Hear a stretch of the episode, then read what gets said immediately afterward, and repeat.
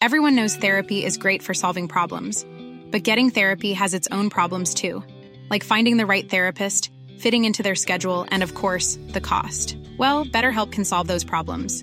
It's totally online and built around your schedule. It's surprisingly affordable too. Connect with a credentialed therapist by phone, video, or online chat, all from the comfort of your home. Visit betterhelp.com to learn more and save 10% on your first month. That's BetterHelp H E L P.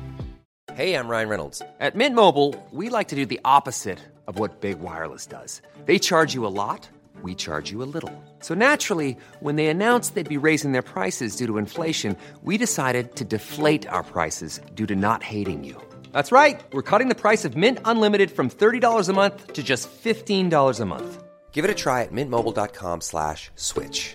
$45 upfront for three months plus taxes and fees. Promo rate for new customers for limited time. Unlimited more than 40 gigabytes per month. Slows. Full terms at mintmobile.com. One size fits all seemed like a good idea for clothes Nice dress. Uh, it's a it's a t-shirt. until you tried it on. Same goes for your healthcare. That's why United Healthcare offers a variety of flexible, budget friendly coverage for medical, vision, dental, and more. So, whether you're between jobs, coming off a parent's plan, or even missed open enrollment, you can find the plan that fits you best. Find out more about United Healthcare coverage at uh1.com. That's uh1.com.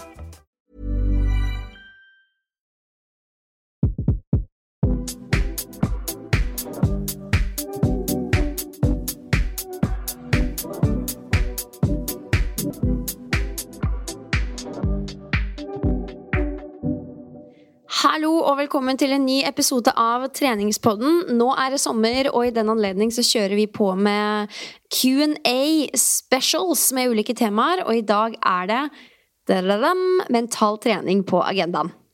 Er det noe vi begge to er veldig opptatt av og interessert i, så er det nettopp det, mentaltrening. Og det er tydeligvis dere lyttere også, for vi har fått inn spørsmål i fleng. Vi setter bare i gang. Absolutt. Vi kan jo si altså, eh, bakgrunnen vår, litt av grunnen til at dette er noe vi føler at vi kan eh, svare på. Silje er jo godt i gang med en bachelorgrad i anvendt psykologi. Det er du stemmer. ferdig med andreåret nå? Jeg er uh, ikke ferdig med andreåret, men uh, godt over halvveis. I bachelorgraden. Ja. Det er sjukt. Og jeg har kurs i mentaltrening, nivå 1 og 2, fra noe som heter Raw Performance. Så um, ikke en bachelorgrad, men er jo generelt veldig interessert i å ha jobba mye med mental trening. Så ja, dette er høyt oppe på lista over ting vi liker å snakke om begge to, da. Ja, 100% Det er mye psykologi i mental trening. Det handler jo rett og slett om å trene hodet på samme måte som vi liker å trene kroppen, og det er jo kanskje egentlig det aller viktigste av alt. Så Ja. dette her er spennende. Og så blander vi jo selvfølgelig også inn litt sånn egne erfaringer og preferanser og tanketeknikker, bare fordi det Ja, that's how we roll. Det er treningspodden. Eh, vi gønner på, eh, og første spørsmål er eh, hvordan ta treningsfri med god samvittighet? Det er jo et kjempefint spørsmål nå inn i sommeren, og helt sikkert flere som eh, kan kjenne på det at en periode som ser helt annerledes ut, både med tanke på hvordan vi trener og hvordan vi spiser, det kan på en måte påvirke litt hvordan vi føler oss.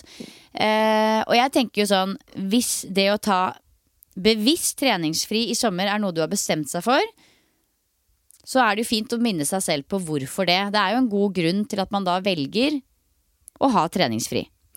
Eh, jeg tenker at eh, hvis det er noe du har bestemt deg for bevisst, fordi du kjenner at det har jeg behov for, akkurat nå blir det treningsfri, minn deg selv på at eh, det er ikke noe krise for formen å ha en lengre periode uten vanlig trening. Kanskje det til og med kan være oppbyggende for formen. Det tror jeg det kan være for ganske mange. Eh, og selvfølgelig at treningsfri ikke nødvendigvis er det samme som å ligge på sofaen. Du kan fint være aktiv og se på den muligheten du har nå i det å bruke den tiden du vanligvis legger ned på trening, til å gjøre noe helt annet som er minst like boostende og oppbyggende og viktig for kropp og sjel som det trening kan være. Mm. Jeg tror jo trening for mange av oss kan være Altså, det gir jo et sunt utløp. Trening er utelukkende bra. Men det kan jo også være en måte å løpe fra vonde tanker og ubehag, øh, fjerne seg fra, fra konflikter. Så det er jo også en fin mulighet til å bli litt bedre kjent med seg selv og kjenne etter og stå i ulike følelser og tanker og prosesser som skjer når man tar bort liksom treninga. Så i kombinasjon med at man skal ha en eller annen form for treningsfri, så kan man jo også sette av fem til ti minutter hver dag der man går litt inn i seg sjøl og tenker litt igjennom Ok, nå trener jeg ikke. Hvordan påvirker det meg? Hvordan får det meg til å føle meg? Hva skjer inni kroppen min? Hvordan har jeg det fysisk? Kanskje du merker at du har mer energi og overskudd, både til deg selv og de rundt deg. Bare prøv å liksom legge litt merke til hvordan det oppleves, da. Eh, så kan ja. du jo lære mye av det um, på veien. Jeg tror mange av oss blir litt for godt vant i hverdagen til å gå rundt og være treningsslitne. Og så fort vi ikke har den følelsen, så blir vi litt sånn stressa. Vi må gjøre et eller annet for å være i den modusen vi pleier å være. Eh, og da tror jeg man har godt av å heller kjenne på litt tid med overskudd, og at man da ikke alltid er nytrent, og at det er helt greit. Jeg òg tenker det. Og så er det jo Si at du er litt i forkant av denne perioden uten trening, da, og se for deg at du f.eks. registrerer hvor mange timer i uka bruker du på trening. Si at det er to eller tre timer. Hva kan du legge inn? Altså Du bytter ut en god vane med en annen god vane nå i ferien. Hva kan du legge inn? Kanskje det er å gå Eh, tur med podkast på øret, jobbe med noen mobilitetsøvelser, kanskje lære deg noe nytt. Altså Det kan være en god vane som byttes ut med en annen god vane. Rett og slett et avbrekk i ferien. Legge vekk treninga for å fokusere på noe annet. Og jeg tror på ekte at alle de som trener jevnt og trutt året rundt, det gjør ingenting virkelig ingenting, eh, minst av alt for den fysiske formen, å legge det vekk et par uker i sommer. Så det går helt fint. Ja, Bare husk at valget skal komme fra deg, og ikke mor eller svigermor eksempelvis som sier 'Å, du trener så mye, altså nå må du ta det litt rolig'. Ikke la andre stemmer komme inn, i, komme inn i ditt hode. Det er ditt liv, og du gjør som du vil. Ja, så igjen, hvis det er noe du har bestemt deg for, minn deg på hvorfor. Ja, Spørsmål nummer to. Jeg syns det er vanskelig å trene jevnt. Hvordan kvitte seg med alt eller ingenting-mentaliteten? Altså, dette er jo klassisk symptom på perfeksjonisme. Det snakka jeg faktisk litt om i en episode for uh, noen uker tilbake. Der vi hadde litt sånn eh, tolv uh, refleksjonsspørsmål vi stilte hverandre, Pia. Og dette her, den derre alt eller ingenting-mentaliteten, det er et, et av de mest klassiske symptomene på nettopp akkurat det. Perfeksjonisme. Og det er litt sånn eh, Ikke sant? Vi liker å gønne på å være flinke, men det kan likevel være en litt sånn klassisk tankegang som saboterer det å få fremgang. Rett og slett fordi man enten gir opp fordi det ikke blir perfekt, eller til og med lar være å prøve fordi man er redd for at det ikke blir så bra som du tenker at det bør være. Eh, så Minn deg selv på at f.eks. én treningsøkt i uka, det er 100 ganger bedre enn ingen. Eh, de som får til trening med resultater, det er også de som får til trening med kontinuitet over tid. Og det trenger faktisk ikke å være all verdens. Det er liksom de folka som velger den gylne middelveien, som ofte er de som lykkes. Eh, svært sjelden de som går for de hardcore variantene. Mm. Se på det som en, altså, at du skal kjøre til hytta liksom, med fullpakka bil, tre unger. Eh, og så er du på vei mot hytta, men på veien så må du mest sannsynlig stoppe. Det er en som begynner å grine, du må tisse, dere må ha kaffe. Og det er jo ikke sånn at du stopper bilen og ikke vil kjøre noe mer til hytta fordi ting ikke gikk helt som planlagt. Du fortsetter jo å kjøre. Og litt sånn er det Herregud, så jævlig teit eksempel, men Nei, jeg syns det er et veldig bra eksempel. Ikke sant? Du er på vei et sted, og selv om det skjer uforutsette ting på veien, så fortsetter du jo å kjøre, og du kommer jo til å komme fram. Det hadde vært verre for den personen som bare Ok, måtte stoppe, snakkes, da blir det ikke noe sommerferie i år. Eh, og litt sånn må du tenke på det. Altså, jeg pleier å si til meg selv og kundene mine at vi skal gjøre så godt vi kan hver eneste dag, men en del av denne reisen her er også å akseptere at det kommer til å dukke opp uforutsette ting. Og du presterer bra hvis du klarer å takle de på en god måte og løse de så godt du kan, da. Noen ganger kommer det til å gå kjempebra, andre ganger så kommer du til å mislykkes i gåseøynene. Da lærer du masse av det, sånn at du kan ta med deg det videre inn i reisen din. Du kan på en måte tenke at reisen er målet i seg selv. Altså du er på vei et sted, men når du kommer til trening, så kommer du aldri til å komme helt fram. Og det er jo på godt og vondt. ikke sant? Det er jo en reise som aldri tar slutt.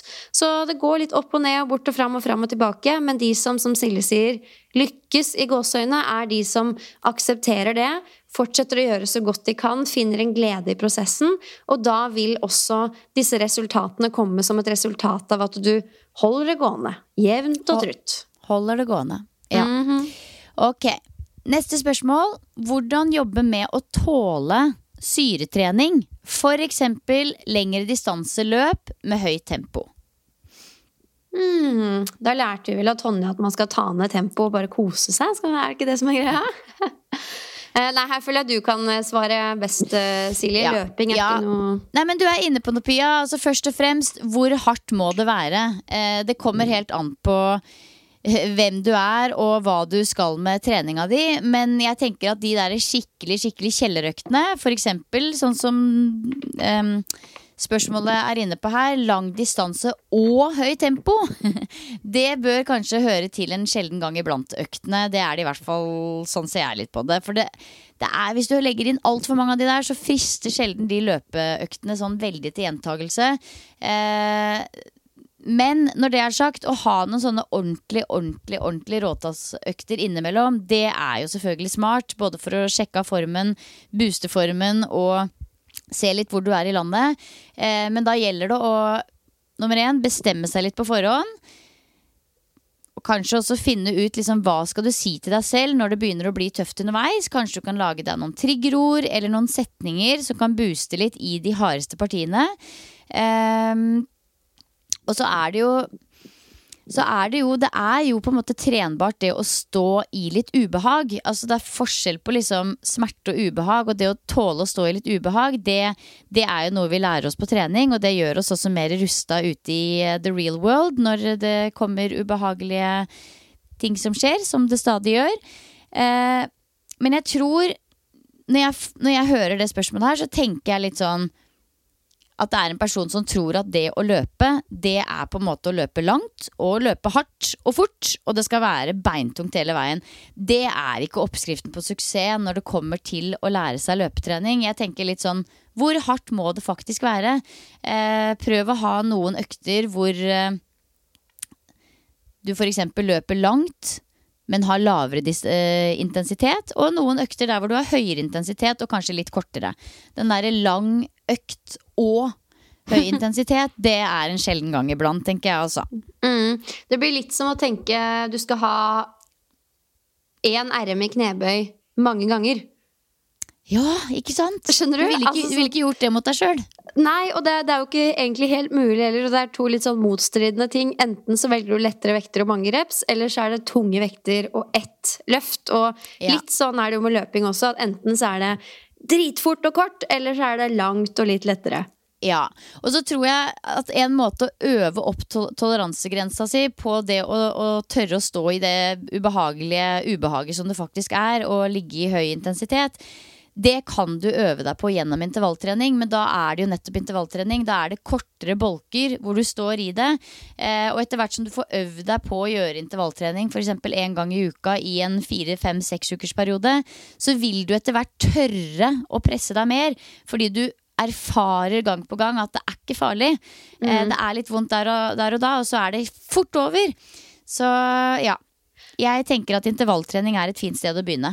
Absolutt. For min del, eh, de få gangene eller når jeg løper liksom harde intervaller, så er det, finner jeg liksom ro i å fokusere på pusten. Bare prøve å finne en eller annen ro i stresset ved å tenke på pusten som jobber seg gjennom kroppen. Eh, nummer to, som jeg liksom klamrer meg fast til, er teknikken min. At jeg blir helt sånn nazi-fokusert på at jeg skal ha korte steg opp med kassa, og liksom prøver å finne en slags ro i det. Jeg tror det hjelper å ha noe å fokusere på, annet enn at det er dritslitsomt.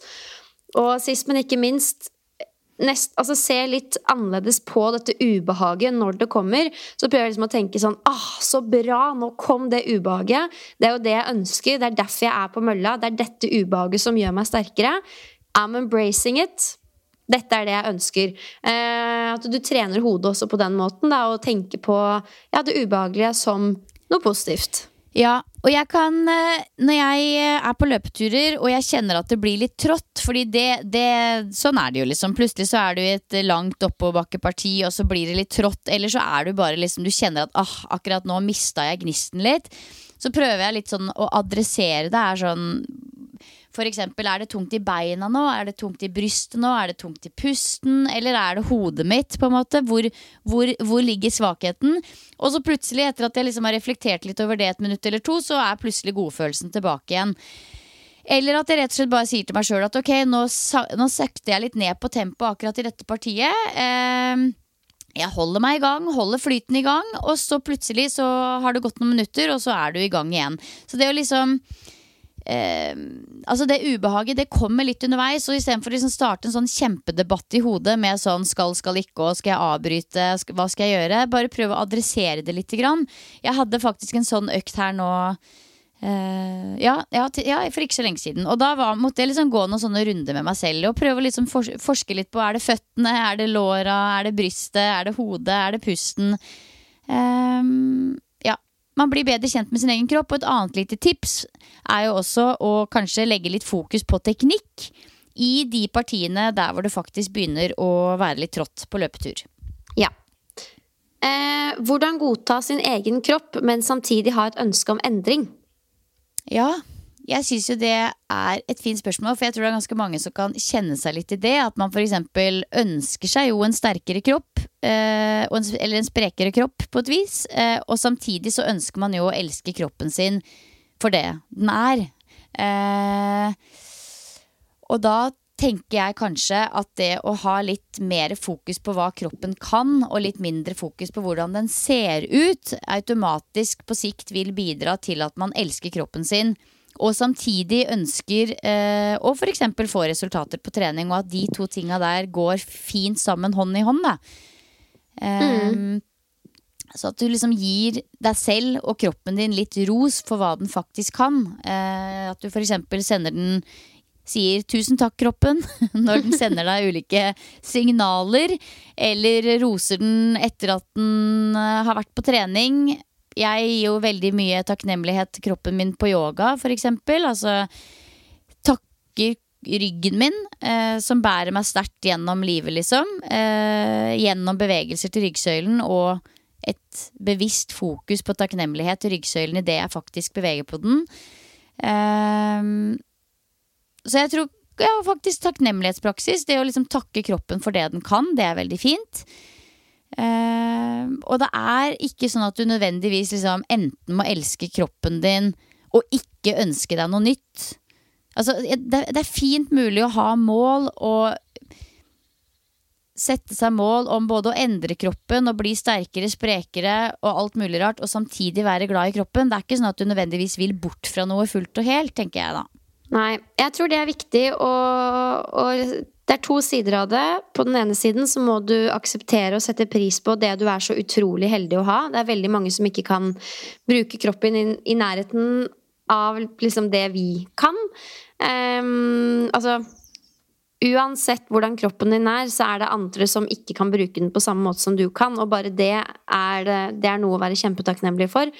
Samtidig så er det viktig å ta dette ønsket om endring på alvor. Jeg føler at det har vært og er til dels en sånn trend om at du skal ikke ville endre kroppen. Det handler bare om at du skal ville prestere bedre. Vi skal ikke snakke om liksom slanking og sånne ting. Og det syns jeg jo ikke at vi nødvendigvis skal, men vi må ta på alvor at noen har lyst til å gå ned i vekt, andre vil bygge muskulatur.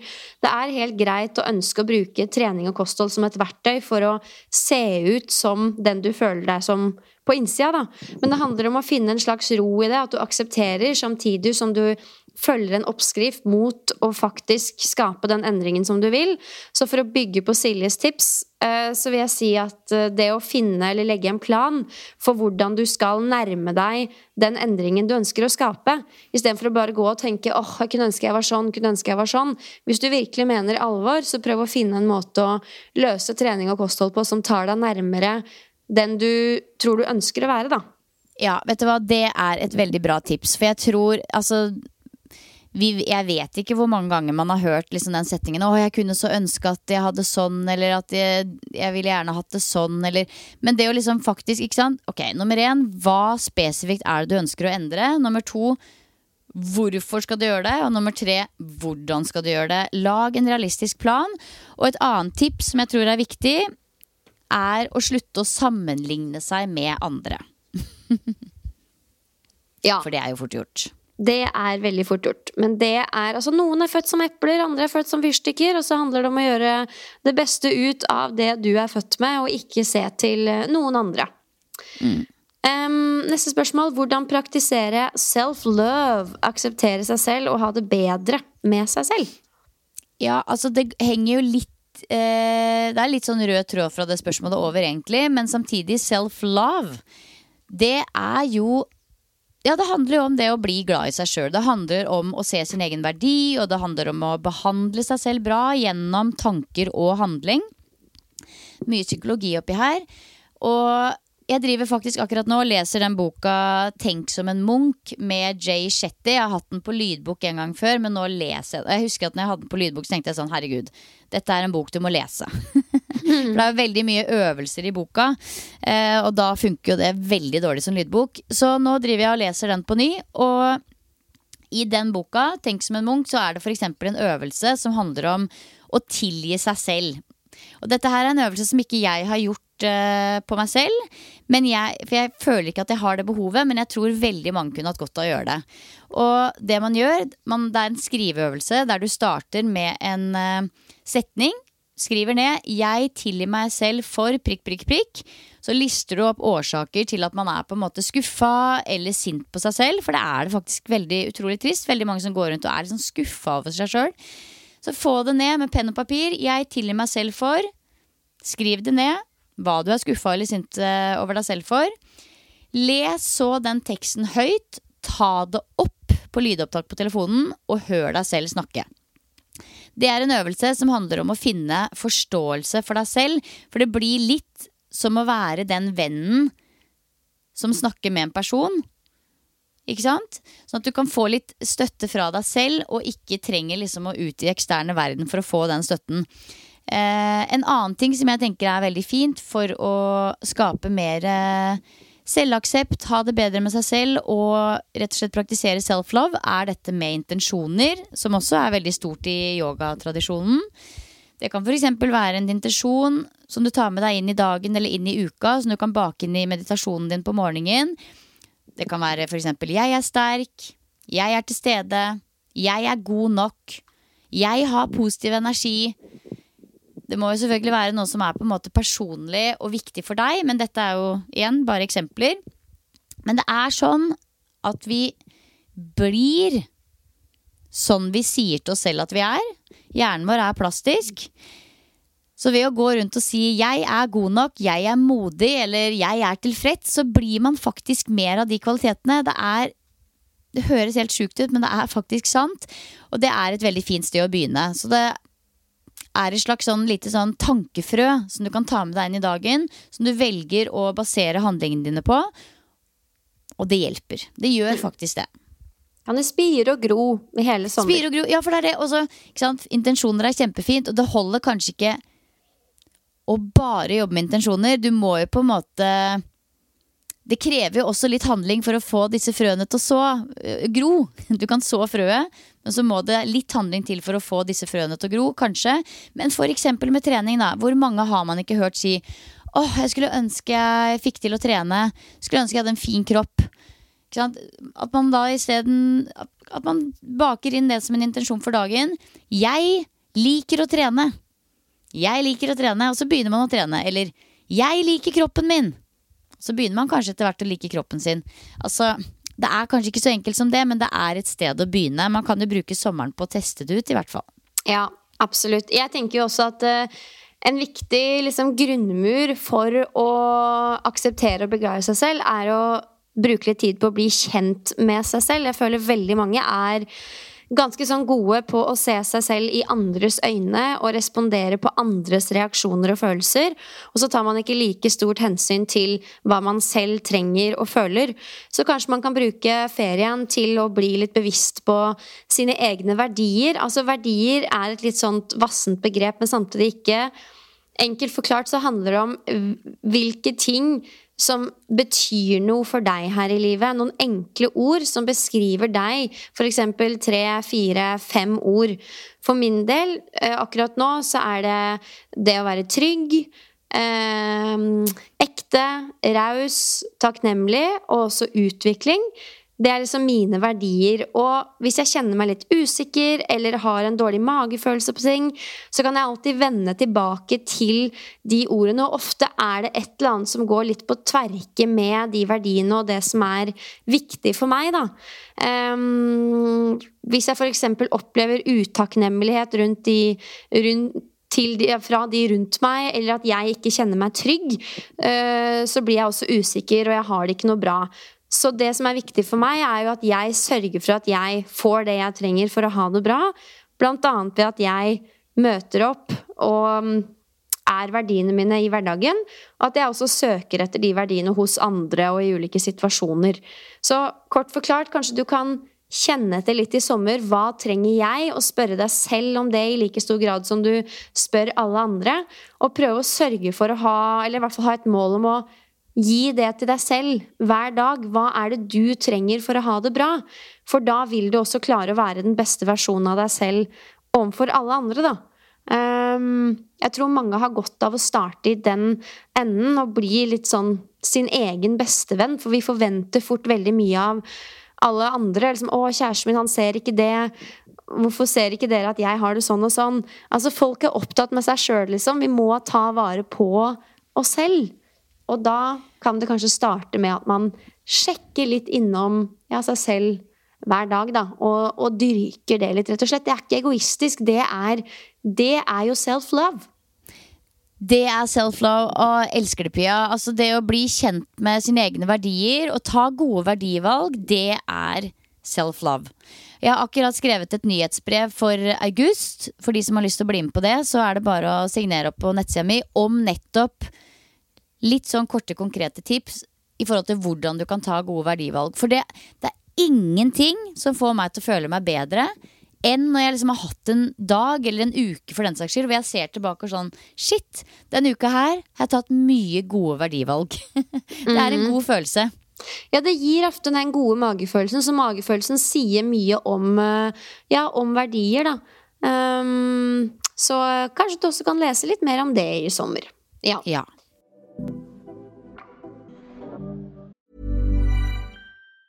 Hey, it's Danny Pellegrino from Everything Iconic. Ready to upgrade your style game without blowing your budget? Check out Quince. They've got all the good stuff shirts and polos, activewear, and fine leather goods, all at 50 to 80% less than other high end brands. And the best part? They're all about safe, ethical, and responsible manufacturing. Get that luxury vibe without the luxury price tag. Hit up quince.com slash upgrade for free shipping and 365 day returns on your next order. That's quince.com slash upgrade. Hi, I'm Daniel, founder of Pretty Litter. Cats and cat owners deserve better than any old fashioned litter. That's why I teamed up with scientists and veterinarians to create Pretty Litter. Its innovative crystal formula has superior odor control and weighs up to 80% less than clay litter. Pretty Litter even monitors health by changing colors to help detect early signs of potential illness. It's the world's smartest kitty litter. Go to prettylitter.com and use code ACAST for 20% off your first order and a free cat toy. Terms and conditions apply. See site for details. Hey, Dave. Yeah, Randy. Since we founded Bombus, we've always said our socks, underwear, and t shirts are super soft. Any new ideas? Maybe sublimely soft. Or disgustingly cozy. Wait, what? I got it. Bombus Absurdly comfortable essentials for yourself and for those facing homelessness. Because one purchased equals one donated. Wow, did we just write an ad? Yes. Bombas. Big comfort for everyone. Go to bombas.com slash ACAST and use code ACAST for 20% off your first purchase. Um, ok. Er mental trening mest nyttig om morgenen for å preppe hodet eller kvelden for å reflektere? Her vil jeg jo si eh, begge deler. Det kommer helt an på hva som er målet med den mentale treninga. På samme måte som altså, Du kan se fysisk trening, da. Er yoga eller løping best? Det kommer helt an på hva du ønsker å oppnå med, med den treninga. Um, så ja. Ja, jeg er også helt enig. Det kommer helt an på hva slags type øvelse eller praksis, og hvem du er også, for den saks skyld. For meg så fungerer enkelte ting veldig godt på morgenen, og eh, det samme ville fungert veldig dårlig på kvelden. Men en ting som fungerer godt både morgen og kveld, er egentlig visualisering. Det er liksom noe jeg klarer eh, det er jeg veldig sånn ivrig på å gjøre uansett, både morgen og kveld. Eh, takknemlighetspraksis syns jeg er kjempefint å gjøre på kvelden. Eh, mer sånn litt sånn hva skal jeg si, finkorna meditasjon, litt mer sånn skikkelig fokusøvelse, det må, øh, på, det må være på morgenen for min del. Men der er vi jo veldig forskjellige også. Så jeg tror det kommer litt an på. Men visualisering er jo en kjempefin teknikk fra mentaltrening som for min del i hvert fall fungerer veldig godt både morgen og kveld. Uh, Hva gjør du på kvelden på. når du visualiserer? Da kan det være at jeg f.eks. har en veldig heftig dag dagen etter, og at jeg da eh, prøver å se for meg litt dagen og hvordan jeg skal legge det opp for å gi meg selv litt ro eh, i det jeg legger meg. Fordi jeg kan hisse meg veldig opp hvis det bare er sånn der, et, sånn, et sånn mylder og kaos av liksom steder jeg skal være, folk jeg skal møte, ting jeg skal gjøre. Men hvis jeg får det i en litt sånn visualiseringsrekkefølge, litt sånn og så er jeg der, så drar jeg dit, og så gjør jeg dit, da har jeg liksom Å ja, nei, men nå har jeg allerede på en måte gjort det, så nå, nå vet jeg jo at det kommer til å gå kjempefint. um, men det er ikke sikkert at det ville fungert eh, like godt for alle. Kanskje noen ville på en måte stressa seg opp og gira seg opp mer av det enn at det ga ro. Så der er man veldig forskjellig. Mm. Uh, ja, uh, visualisering er jo et fantastisk verktøy for å forberede seg på stress som kommer. For da, som du sier, da har du liksom vært litt oppi det. Så um, kommer helt an på. Kommer helt an på. Hvordan slutte å gruble og kverne over ting man uansett ikke får gjort noe med? Oh, den er um... Ja. Den er god. Da kan vi jo, jeg kan jo si én ting som har hjulpet meg litt. Jeg sier litt fordi at jeg er en grubler og en kverner. Um, men det å eh, sette av litt tid på kvelden til å lande litt med seg selv, og gjerne skrive ned det som det grubles på, det hjelper meg litt i perioder, de gangene jeg faktisk gjør det. Um, for da får du det liksom ut av hodet og ned på papiret, og du blir på sett og vis litt ferdig med det. Eller du vet i hvert fall at eh, ok, jeg løser det litt senere, og jeg har det der. Så det finner vi ut av seinere. Og så vender du mest sannsynlig ikke tilbake til det, for det er jo bare grublerier uansett. Men du får liksom Du føler at du får gjort noe med det, da. Mm. Altså jeg tenker bare det å være bevisst på at man grubler en del, er litt sånn et kjempesteg. Eh, det er litt sånn, ikke sant? Grubling er jo ikke farlig, men det er ekstremt slitsomt. Mm. Eh, og jeg tror mange som grubler mye, de tror at de liksom går rundt og løser problemer og er liksom produktive på et vis, men ofte så er det jo på en måte bare et hav av bekymringer som går litt sånn unødvendig på repeat. Eh, mm. Det er ofte veldig negativt, det er veldig selvsentrert. Eh, og det er ofte litt sånn her 'Hvorfor skjedde dette?' Eh, eh, og, og, gjerne liksom skylde litt på alle andre og diverse også. Eh, så det er jo litt sånn bevisstgjøring er jo egentlig akkurat det du sier. Det å bli liksom bevisst på at man faktisk gjør det. Det er veldig viktig. Bli bevisst på grublinga. Eh, adressere grublinga. Og finne en måte å forbedre det på. Så det er litt sånn Man spotter det, stopper det og swapper det, på en måte. Eh, og en annen veldig fin metode, som du også var inne på, er jo det å sette av tid til grubletid. Altså sånn I terapeutisk sammenheng så er det veldig ofte det som blir anbefalt for de som grubler mye, og det er å sette av 10 eller 15 minutter til grubletid hver dag. Sånn at du hver gang du blir bevisst på at du grubler, sier til deg selv nei, nei, men jeg har et grublemøte klokka seks i kveld, jeg, så det, det sparer jeg til da. Um, og det tror jeg for de som er riktig så plaga av det, så tror jeg det er det aller smarteste du kan gjøre. Fordi det å gå rundt med litt sånn konstant grubling, det er utrolig mentalt slitsomt og veldig lite produktivt, selv om man kanskje føler at man er det. Så sett av tid til grubling. Ja. Og så er det også viktig å huske på at det er veldig mye stress som kan kureres med en beslutning. Ofte så går vi liksom og vurderer fram og tilbake og opp og ned og utsetter og prokrastinerer. Kanskje du også skal bli enda bedre på å ta de tinga som du går og grubler på, gjøre deg ferdig med det. Svare på den mailen, ta den praten med kjæresten, si hva du føler. Få det litt unna veien, sånn at du slipper å gå og tenke på det, men heller liksom gjøre noe med det, da. Så det er også noe å vurdere. Em, tips til enkle øvelser som gjør en bedre rustet til å tåle krevende perioder i hverdagen. Altså Jeg må bare igjen trekke fram det vi allerede har vært innom, visualisering. Det er det som virkelig får meg gjennom de mest hektiske periodene. Eh, fordi du kan på ekte sette deg ned hvor som helst, om det er hjemme eller på en gåtur eller i bilen, og visualisere de krevende situasjonene. Og for meg så handler det ofte om litt sånn derre de krevende dagene hvor jeg skal være litt flere steder på kort tid. Så jeg liksom visualisere ikke bare situasjonene, men også overgangene, byttene fra hit til dit. Få litt oversikt over liksom de krevende situasjonene eller periodene ved å øve seg på å være i dem mentalt. Eh, det er altså visualisering. Jeg, jeg tror virkelig på at det å øve seg på å bli god på det, det kan eh, redde deg ut av eh, eh, hektiske perioder til å bli litt enklere å være i.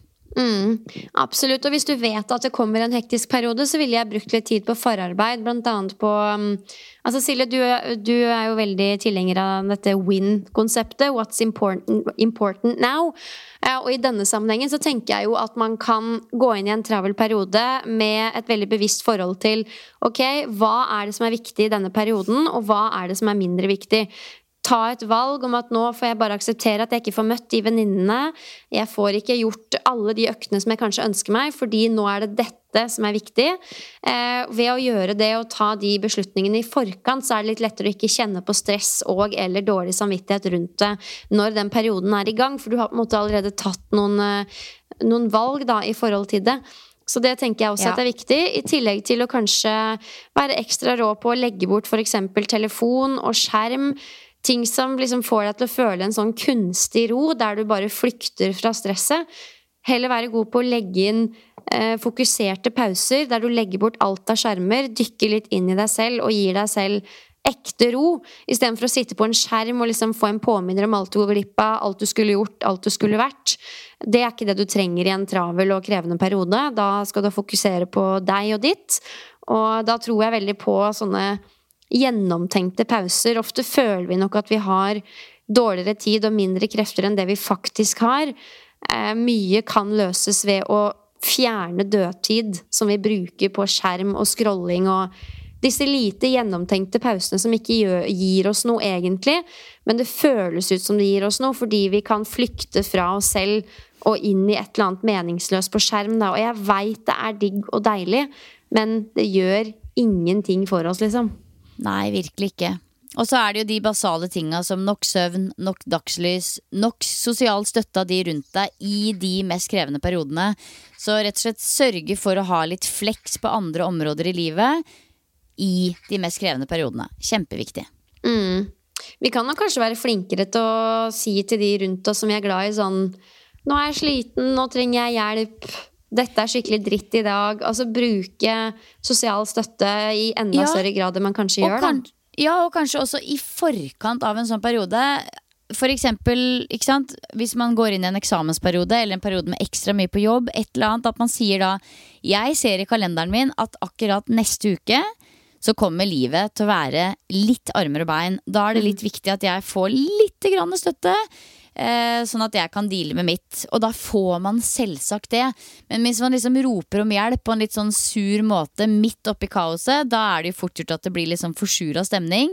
Så kanskje også da være litt i forkant av de periodene og si jeg ser at dette kommer til å bli litt krevende. Vær så snill å være en støtte. Mm. Um, perfekt. Vi har et par spørsmål til da, som vi gruser på med. Hvordan finne balanse mellom jobb, studier, sosialt, trening og avslapning? Nei, altså Da, you tell me. Nei da. Ja, Ehm, Vår evige utfordring, sier bare jeg. For det, det er, er det noe meg og Pia sliter med også her i livet, så er det den der. Ja, og så er jeg også litt sånn Jeg er jo selvfølgelig tilhenger av konseptet balanse, men samtidig så ser jeg også at hvis jeg ønsker å oppnå gitte ting, eh, eksempelvis være rå i jobben min og rå på trening, og det er dritviktig, så kan ikke jeg samtidig ha 100 eh, balanse og vekte det på lik linje med sosiale ting, yoga, meditasjon. Altså something's gotta give, da, med mindre balansen i seg selv er målet. Så mitt første tips der er å spørre seg selv ok, hva er det som egentlig er viktig for meg å få til i livet mitt. Åssen ønsker jeg at uh, mitt liv uh, skal se ut, da, og hva er egentlig min balanse? For den er ulik fra person til person, og det er litt viktig å huske på. 100% For det her er, det er jo nettopp det. Du må liksom finne ut hva som er greia for deg. Og jeg er nok jeg er nok faktisk litt der at for meg så kan selve balansen være målet i seg sjøl eh, noen ganger. Og det, det, det, det, er fordi at jeg, jeg kan kjenne på den, den, en sånn derre grenseløshet i det at arbeid og fritid sklir over i hverandre som en sånn veldig sånn ekkel uro. Eh, og stressfaktor som jeg ikke egentlig ønsker å ha mer enn jeg må. Og det er også derfor jeg noen ganger må gå litt sånn cold turkey i helger, og noen ganger på ferie også. Bare ta på flight mode og legge mobilen helt vekk, f.eks. Være helt off. Eh, men ja, det er virkelig min evige utfordring også, fordi det flyter så i hverandre. og den balansen mellom fritid og arbeid er på en måte veldig toveis på en måte òg. Fordi Altså, arbeidet kan helt klart forstyrre privatlivet og familielivet. Og familielivet kan på en måte også forstyrre mm. arbeidet litt. Eh, og jeg, for min del så kan litt sånn dårlig hygiene her resultere i både dårlig samvittighet og litt sånn ekkel uro. Eh, og jeg har kjent på det mange ganger. Så for meg så er det nok litt viktig å ha noe tydelige grenser der det går mellom jobb og fritid. Eh, og jeg syns det er mye bedre f.eks. å ha et bevisst forhold til at jeg flekker opp eh, mobilen på kveldstid innimellom, også nå på ferie. Men at det da er mye bedre for meg å liksom gjøre det bevisst i forhold til at jeg gjør det Jeg setter meg ned og gjør to-tre timer med jobb på PC-en nå i kveld. Eh, Istedenfor å dra fram PC-en én gang hver kveld i 20 minutter. Eh, det er mindre forstyrrelse for meg å ha en sånn Nå gjør jeg dette i kveld, og så er det en uke til neste gang, på en måte, nå på ferie. Istedenfor å liksom dra den fram 20 minutter her og der. For da føler jeg på en måte at jeg er litt på jobb hele tida, og det er ikke noe god følelse for meg.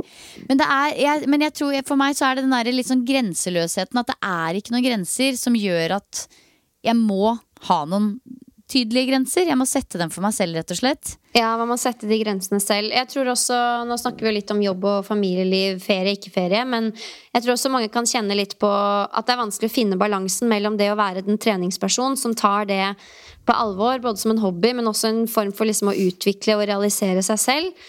Mange av oss spesielt vi, dere som hører på Treningspodden, vi mener alvor med treninga i større grad enn andre, mange andre kanskje, fordi vi elsker det. Eh, og så er det vanskelig da å samtidig kombinere det med å være sosial eh, på den måten som de rundt deg kanskje forventer av deg. Da. Altså det er sånn vil du være med ut på fest? Ja, jeg vil det, men samtidig skal jeg trene i morgen tidlig. Altså den, hvordan finne den gode balansen der. Og da opplever jeg at det handler om å spørre seg selv igjen hvordan kan jeg løse dette her best mulig for meg. Og ofte oppi det valget så innebærer det også å føle at man kanskje skuffer noen, eller å kanskje ta valg som andre ikke forventer av deg, men som er riktig for deg. Og da må du på en måte stå i det, da. Men samtidig også være litt bevisst på ok, drar du det litt for langt nå? Eh, er det virkelig verdt å droppe det til fordel for den intervalløkta i morgen tidlig? Og så virkelig ha et oppegående forhold til disse tingene, men ta deg og ditt og dine behov på alvor. Det er så viktig, og den balansen skapes ut ifra de behovene og det som får deg til å føle deg bra. Ja, og så bare et sånt tips som jeg også som, veldig, som fungerer godt for meg, eh, er idet man merker at arbeidsoppgaver og jobbting eh, liksom suser mye rundt oppi hodet, selv om det er eh, ettermiddag, helg eller til og med ferie, som det er for mange nå, er rett og slett manuelle to do-lister. Sånn at ikke ha alt på telefonen, for da er du faktisk avhengig av å gå inn på telefonen og sjekke hele tiden. Men at du har en, i listeform to do-lister på det som liksom er viktig, sånn at du får tikka det av manuelt. Og da får du automatisk også en veldig god oversikt uten at du må sjekke telefonen hele tiden. Jeg opplever at uh, det fungerer godt for meg. Det høres rart ut, men uh, tydeligvis så er det sånn jeg fungerer. Det er ofte jeg tenker at jeg kunne ønske jeg var mer manuell, men så er liksom bare hele livet mitt på iPhone. Så det blir mer hassle å begynne å skrive ting på en liste. For det er sånn, å, men det står jo der, ja, men det er jo der, kalenderen min er Ja. Så I'm, uh, I'm a phone kind of girl. Men det har hjulpet meg veldig å få Apple Watch, fordi jeg kan helt fint legge fra meg telefonen Ja. med alt dens innhold, men fortsatt være tilgjengelig på telefonen og for en SMS her og der. Så det er et lite hack, altså, hvis man eh, har lyst på det. Så bra! Dette var det vi eh, rakk å svare på i denne omgangen om nettopp mental trening. Jeg håper jo at dere som lytter fikk noe ut av det og ble inspirert til å mm, ja, hva er det vi pleier å si? Trene den viktigste muskelen av alle, som er hodet. Det er helt riktig, og så håper jeg at dere fortsetter å ha verdens beste sommer. Nyt det livet har å by på, og så er vi tilbake med nye eh, lytterspørsmål neste uke. Og da skal det handle om oss. Spør oss om alt. Oi, oi, oi, oi. Spennende. Vi snakkes!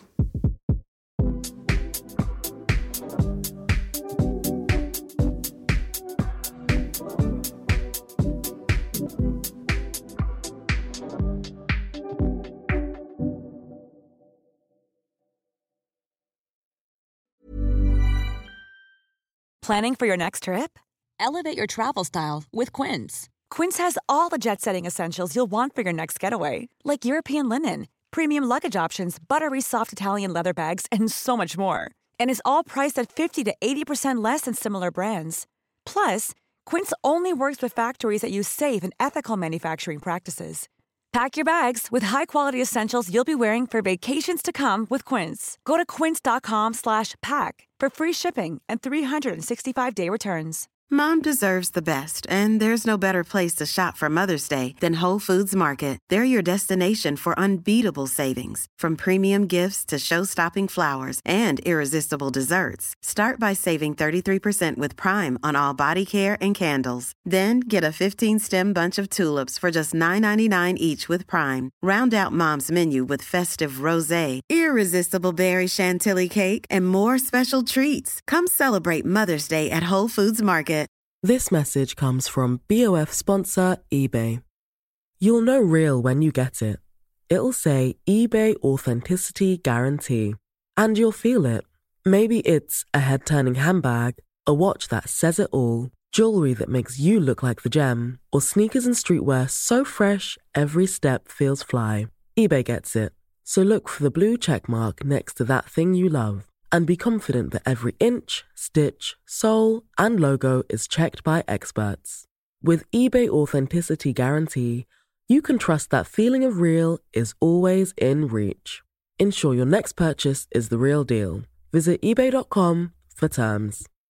Imagine the softest sheets you've ever felt. Now imagine them getting even softer over time. That's what you'll feel with Bowl and Branch's organic cotton sheets. In a recent customer survey, 96% replied that Bowl and Branch sheets get softer with every wash. Start getting your best night's sleep in these sheets that get softer and softer for years to come. Try their sheets with a 30-night guarantee. Plus, get 15% off your first order at bowlandbranch.com. Code BUTTERY. Exclusions apply. See site for details.